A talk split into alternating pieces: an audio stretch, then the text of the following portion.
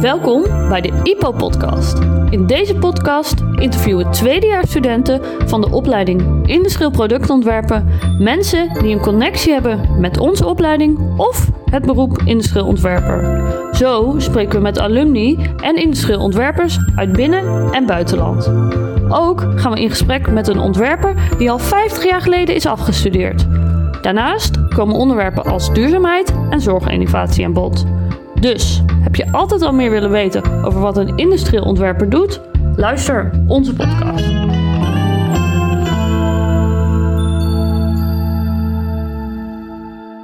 Welkom uh, uh, Harold. Uh, ik ben Willemijn en ik, um, um, ik interview jou vandaag. Ik ben tweedejaarsstudent um, bij IPO Rotterdam. Um, ja, wat, is, wat is je naam? Even voorstellen. Ja, hallo. Ik ben uh, Harold van Barneveld. Ik ben, ik ben, uh, ik heb werktuigbouw gestudeerd in uh, Delft. En daarna vrij snel ben ik naar Italië gegaan. En dan heb ik eigenlijk altijd in de productontwikkeling gewerkt. Ja. Bij bedrijven die meubels maken. Vooral kantoormeubels. Maar de laatste paar jaar werk ik ook als freelance. Ook voor een bedrijfje dat Casa, dat is het huis, uh, woon, woonmaakt. Ik, ik, de Nederlandse terminologieën zullen mij een beetje moeilijk vallen, want ik heb eigenlijk nooit gewerkt in Nederland in dit vak. Ja, dus, uh, ja want jij woont dan in uh, Italië nu. Mm -hmm. Al hoe lang? Nu 21 jaar. Dus, en waarom ben je in, in Italië terechtgekomen? Voor uh, de liefde, zeg maar. Ik heb uh, Italiaanse leren kennen en uh, waarom niet? Laten we proberen daar werk te zoeken en dat ging eigenlijk heel makkelijk. En, toen ben ik hier gewoon verder gegaan. Ja, geen, geen spijt van. en wat, wat is jouw werk? Waarin ben jij gespecialiseerd in het product ontwerpen? Ja, ik, maar meer dan het productontwerp is eigenlijk de, de uitontwikkeling van, van, uh, van, productconcepten. Dus de, de, bedrijven die, die hebben ideeën dat ze nieuwe producten willen maken. En die idee wat, wat, wat het moet zijn, wat het moet kosten, hoe het eruit, een beetje hoe het eruit moet zien. En dan gaan ze meestal op zoek naar, naar designers, naar vormgevers. Die gaan daar dan voorstellen voor maken. En als dat helemaal er wordt dan, een, er wordt dan iets uitgekozen en dat moet daarna vertaald worden naar een, een, een echt product. Ja. Dus jij doet dan meer zeg maar de technische uitwerking van zo'n idee?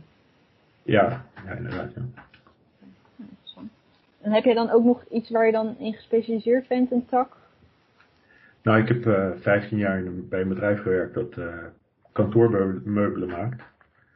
En dat is uh, natuurlijk een vrij specifieke sector kleine sector. Er zijn er maar heel weinig die daarin zitten. En, uh, dus dat is wel een specifieke ervaring. En ja, daar heb ik eigenlijk alles gedaan. Ik ben daar begonnen op de, op de, op de, op de productontwikkeling. De eerste paar jaar heb ik daar echt producten ontwikkeld. Toen, ben ik, toen ging mijn baas die met uh, pensioen. Toen ben ik een tijdje hoofdproductontwikkeling geweest. En later ben ik gewoon alle techniek daar gaan doen. Dus uh, de meeste bedrijven in Italië zijn niet zo groot. Als je een bedrijf van 50, 60 man hebt, is dat al een, een flink, flink bedrijf. Ja. Dus het is vrij makkelijk om uh, door te schuiven en uh, veel, veel dingen, uh, veel aspecten tegelijk te be bekijken. Ja. ja, want jij hebt dan verder helemaal niet na, de, na je studie in Nederland gewerkt? Nee, ik heb een twee jaar direct na het afstuderen bij Flex Development, ontwerpenbureau in Delft, gewerkt.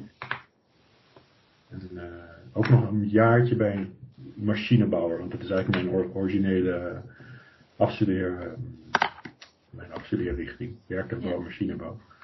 Ik zat, ik zat tijdens mijn afstuderen op stage bij Alping, ken je misschien wel, Ja, ja. Deventer. van de bedden toch?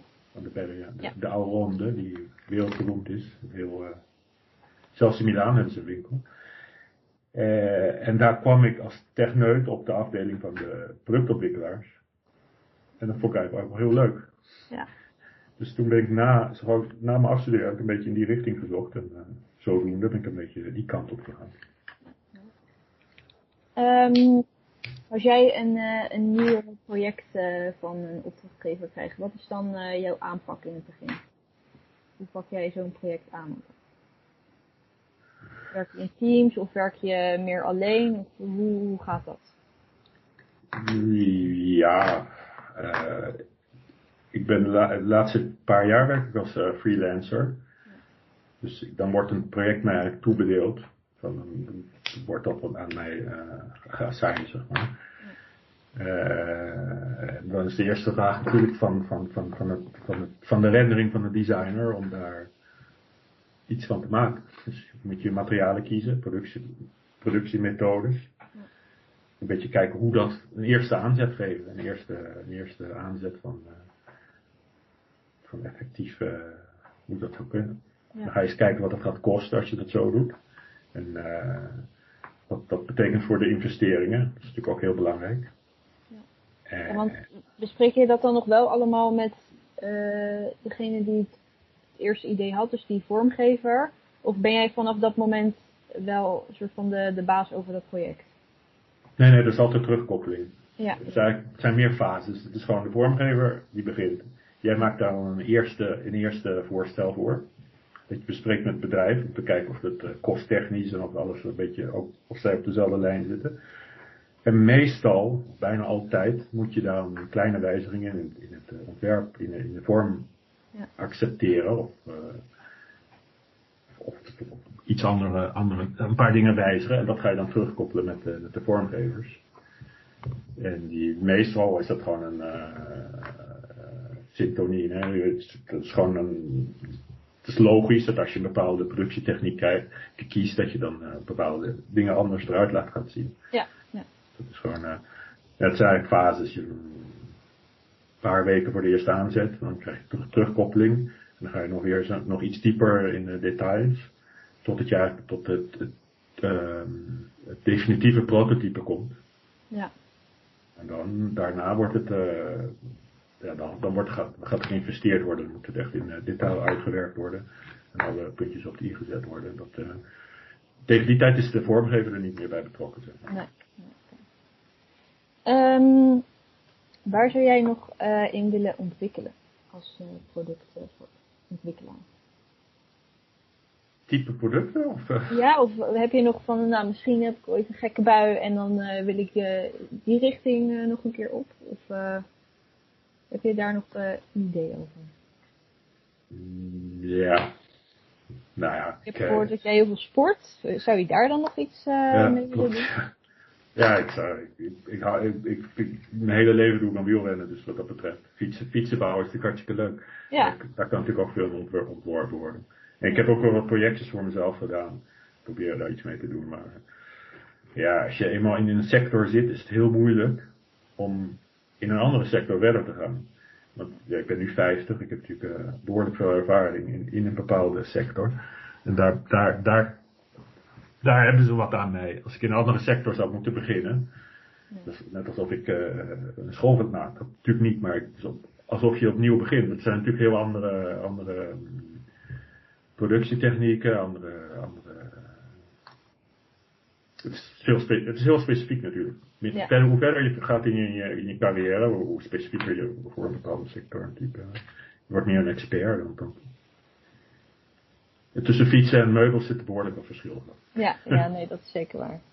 En waar loop je dan tijdens, uh, tijdens een project het meest tegenaan? Van, is het vaak van of dat de vormgevers dan al niet, niet nadenken over van zo werkt het niet? Of waar, waar zitten de meeste hobbels in, uh, in een project? Ja, dat is. Uh, nou, de vormgevers, er zijn er, er zijn er maar weinig die echt niet openstaan voor, uh, voor, voor wijzigingen en dat soort dingen, die, dat ze niet luisteren. Uh, de betere, de mensen die meer ervaren, die, die, die, die, zijn de eerste die zeggen van nou, als je het anders moet, dan moet, moet je maar even zeggen, hoe moet je zeggen wat er anders moet en dan gaan we daar eens over, over nadenken. Want iedereen is erbij gebaat om een product, uh, om een beter product eruit te halen natuurlijk.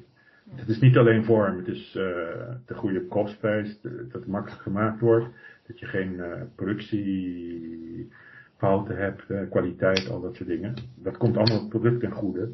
En dan ook de designer, want de, de meeste designers die werken op, op royalties basis. Dus die krijgen een percentuale van wat er verkocht wordt.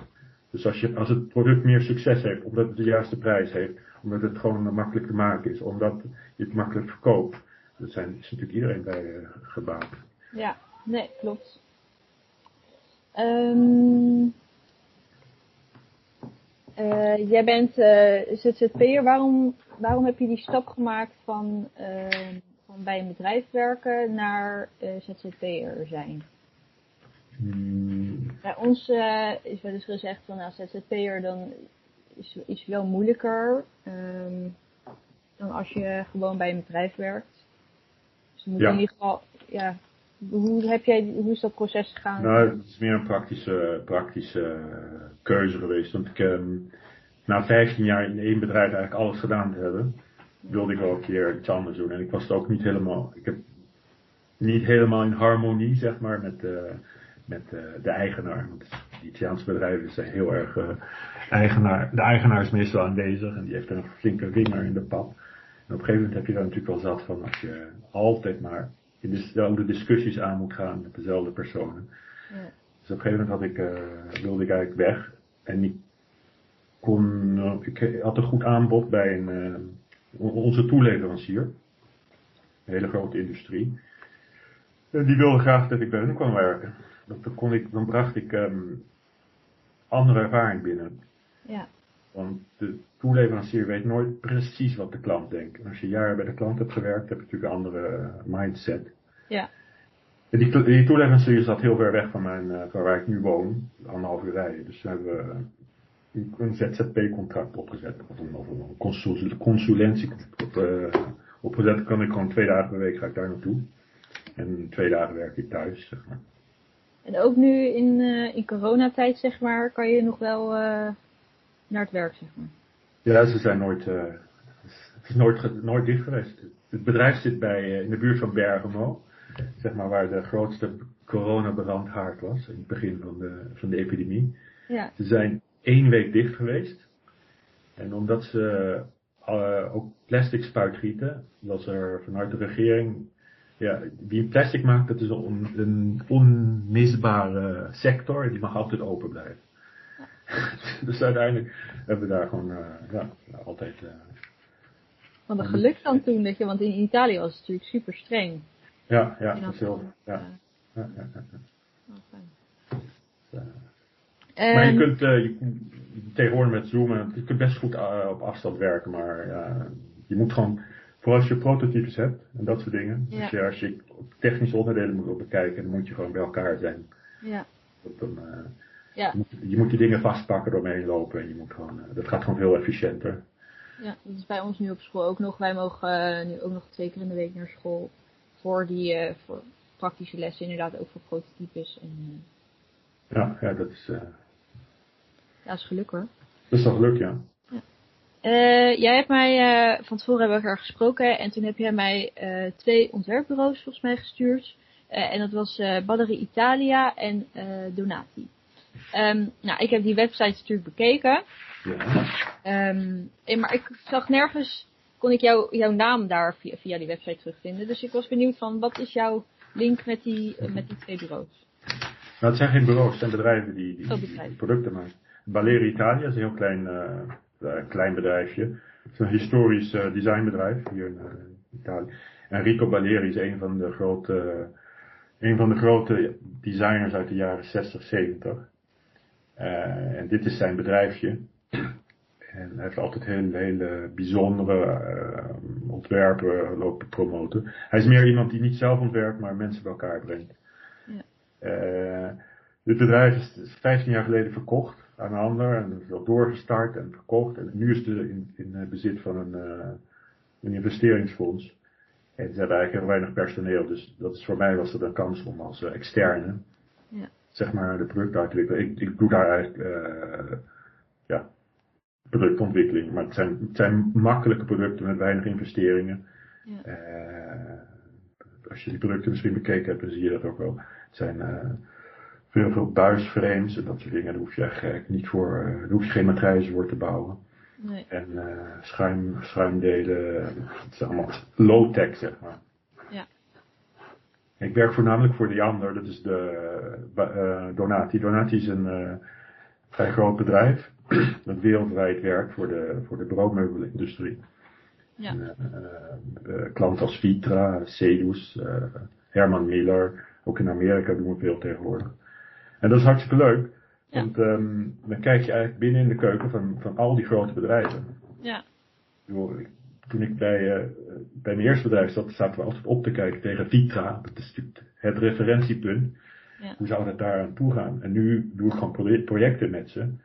En dan zie je, dat is natuurlijk wel, uh, dat vind ik dus wel, wel prettig. Je doet veel meer projecten dan vroeger. Want um, als je bij één bedrijf zit, om een product uit te ontwikkelen heb je gewoon een jaar nodig. Ja. En, ja je hebt ook bepaalde, je hebt ook, uh, het zijn, je hebt dan te maken met behoorlijke investeringen. Dus misschien doe je één of twee producten per jaar. Ja. Bij Donati hebben ze gewoon zoveel klanten dat je gewoon uh, elke maand een ander product uh, voor je vingers ziet gaan, zeg maar. Als het goed gaat. Ja. Dat is wel leuk. Zijn er ook nog dingen die je dan opvallen, wat je, want je zei net een heel groot bedrijf waar je eerst dan tegen opkeek en nu werk je daar dan mee samen. Zijn er dan dingen die je van tevoren totaal niet verwacht had bij dan zo'n groot bedrijf? Hoe, hoe, gaat dat? Wat zijn de verschillen bijvoorbeeld tussen uh, zo'n klein bedrijfje en zo'n groot uh, speler? Nou ja, de, tussen die twee klanten bij mij is natuurlijk een wereld van verschil. Eentje heeft geen geld om te investeren. Die wil met zo min mogelijk, uh, het investeringsfonds wil met, met, met zo min mogelijk investeringen ja. het bedrijf uh, nieuwe producten laten zien. Om te laten zien dat het bedrijf toch doorgaat. Ja. En de andere, andere werkt voor, voor grote klanten die, ja, die één of een matrijsje meer of minder, uh, dat is geen probleem. Dan hebben we het over projecten van, van alleen wat betreft, dat matrijs en zo betreft, dan heb je het al gauw over een miljoen, zeg maar. En dan gaat, uh, gaat het ook over andere stuknummers, dan heb je het over, bij het eerste bedrijf maken we misschien duizend, duizend stoelen per jaar. bij het andere, die klanten die doen iets van uh, 10, 15.000 per maand. Ja. Dus, dan, wordt het, ja. ja, dan is het vooral in, in oplages ook een groot verschil. Uh. Ja. En dan wordt de kwaliteit heel belangrijk. Want als je, een, als je een paar stoelen per maand houdt en iets gaat er fout, dan is dat nog niet zo erg, dan kun je nog ingrijpen. Maar als je echt heel veel produceert, dan moet je echt alles onder controle hebben. Ja. En elk, elk, elke, elke cent is er één natuurlijk. Ja. En dan merken, merken die bedrijven, um, want jij zit dan in de bureaustoelen, ja, kantoren mhm. zijn nu allemaal dicht, dus merk jij dan ook daarin qua vraag minder werk of heb je daar nog last van? Ja, het is een beetje, um, iedereen blijft investeren, je moet er vooruit. Ja. En als er ook gaan, als er minder wordt verkocht, maar ja, je moet toch, je moet toch vooruit, dus je, iedereen blijft innoveren. Dus nieuwe projecten zijn er zat. Wat productie betreft is het uh, de eerste reactie op de coronavirus was, uh, omdat wij veel voor het buitenland uh, produceren. Al onze buitenlandse klanten die, hadden, die waren bang om zonder onderdelen te blijven. Ja. Dus die hebben allemaal hele grote orders geplaatst om maar voorraad te houden. Ja. En dat is nog een tijdje goed doorgaan. En ja, nu is het een beetje maar even afwachten. Ja. Maar ja, op zich gaat onze sector vrij goed. Um, waar ben jij in je werk het meest trots op? Heb je een project dat je denkt van, die ga ik nooit vergeten? Dat is heel erg leuk heb meegemaakt.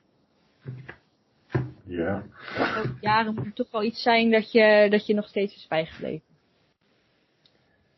Um, ja, bij mijn eerste werkgever, daar hebben we, hebben we een paar hele waanzinnige projecten gedaan. Uh,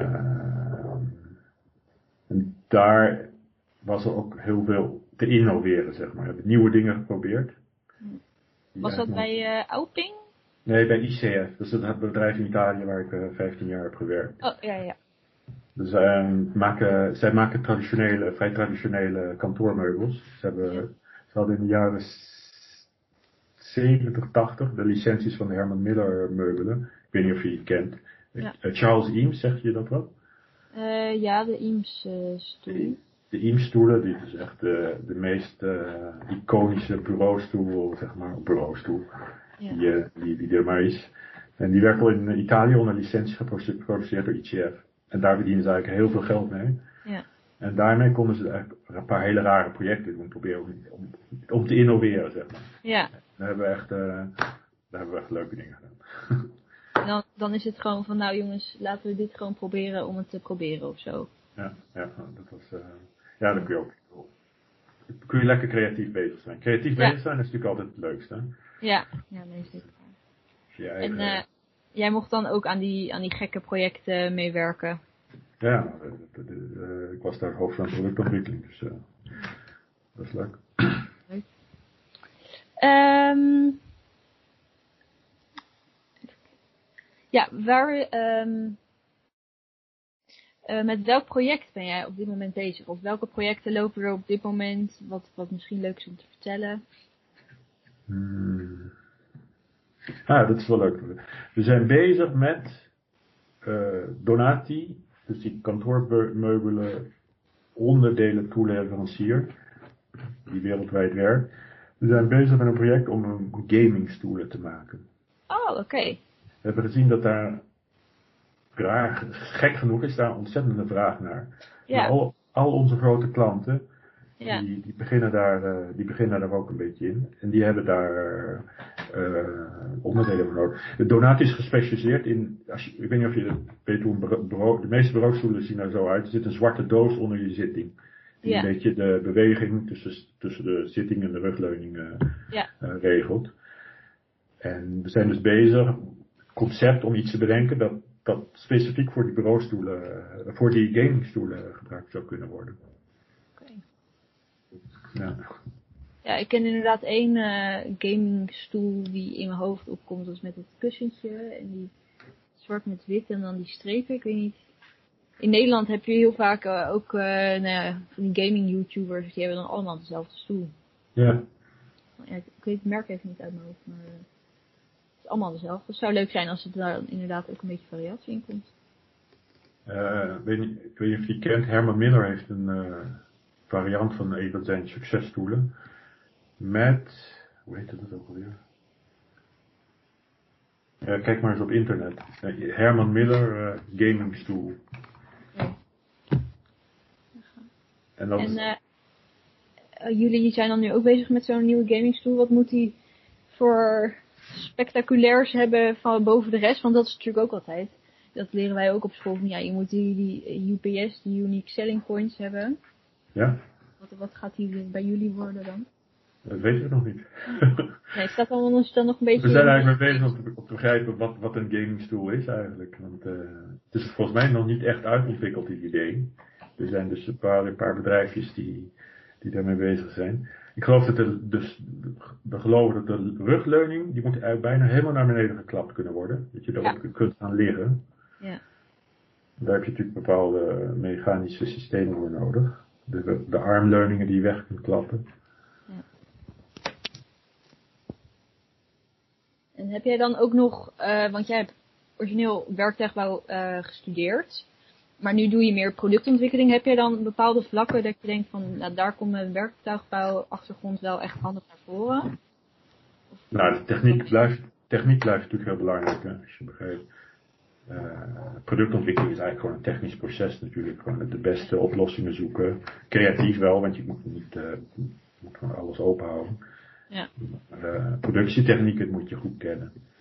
En die, tijdens mijn werktuigbouwstudie, ik heb eh, productietechnieken gedaan, dus dat, eh, dat zit er dan wel eh, in die richting. Maar ja, wat je studeert, dus dat is de aanzet. En daarna, de eerste paar, wordt, tijdens je werk ga je gewoon, word je gewoon goed in bepaalde dingen.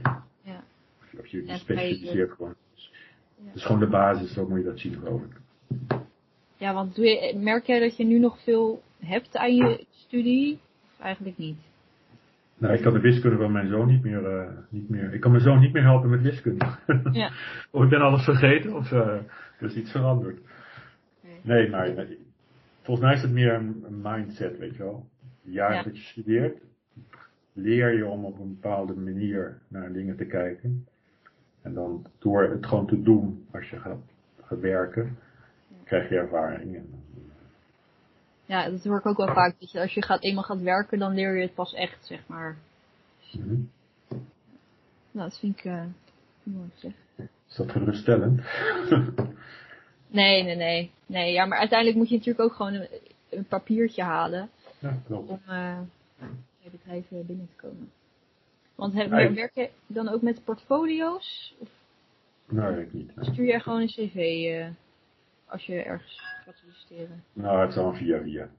Oh, is, eh, het is een klein wereldje uiteindelijk als je er eenmaal in zit. Ja. Hier in Italië, maar ik denk ook in Nederland eigenlijk. Eigenlijk overal wel. Oké. Nou, dan zijn we eigenlijk door het interview heen. Oké, Dan vraag ik wil je hartstikke bedanken voor het interview. graag En gedaan. Ook heel veel succes wensen nog met, dan die, met die gamingstoel en andere projecten waar je mee bezig bent. Als je een idee hebt voor een gamingstoel, laat maar weten hoor. Ja, dat is goed. Denk, er Nou, maar, denk er maar eens over na. ja. Even zoeken bij, eh, bij de opleiding altijd nog eh, eh, een soort van ehm, opdrachtgevers die dan eh, eh, ons studenten een project eh, geven. Mhm. En dan gaan de studenten, wij werken daar dan voor die opdrachtgever aan. En dan heb je een paar momenten dat je ehm, dan ook met die opdrachtgever spreekt. Dus dat is misschien dan, dan wel een leuk idee daarvoor. Ja, Nou, in ieder geval hartstikke bedankt. graag gedaan. Fijne dag nog. En eh Zo. dankjewel.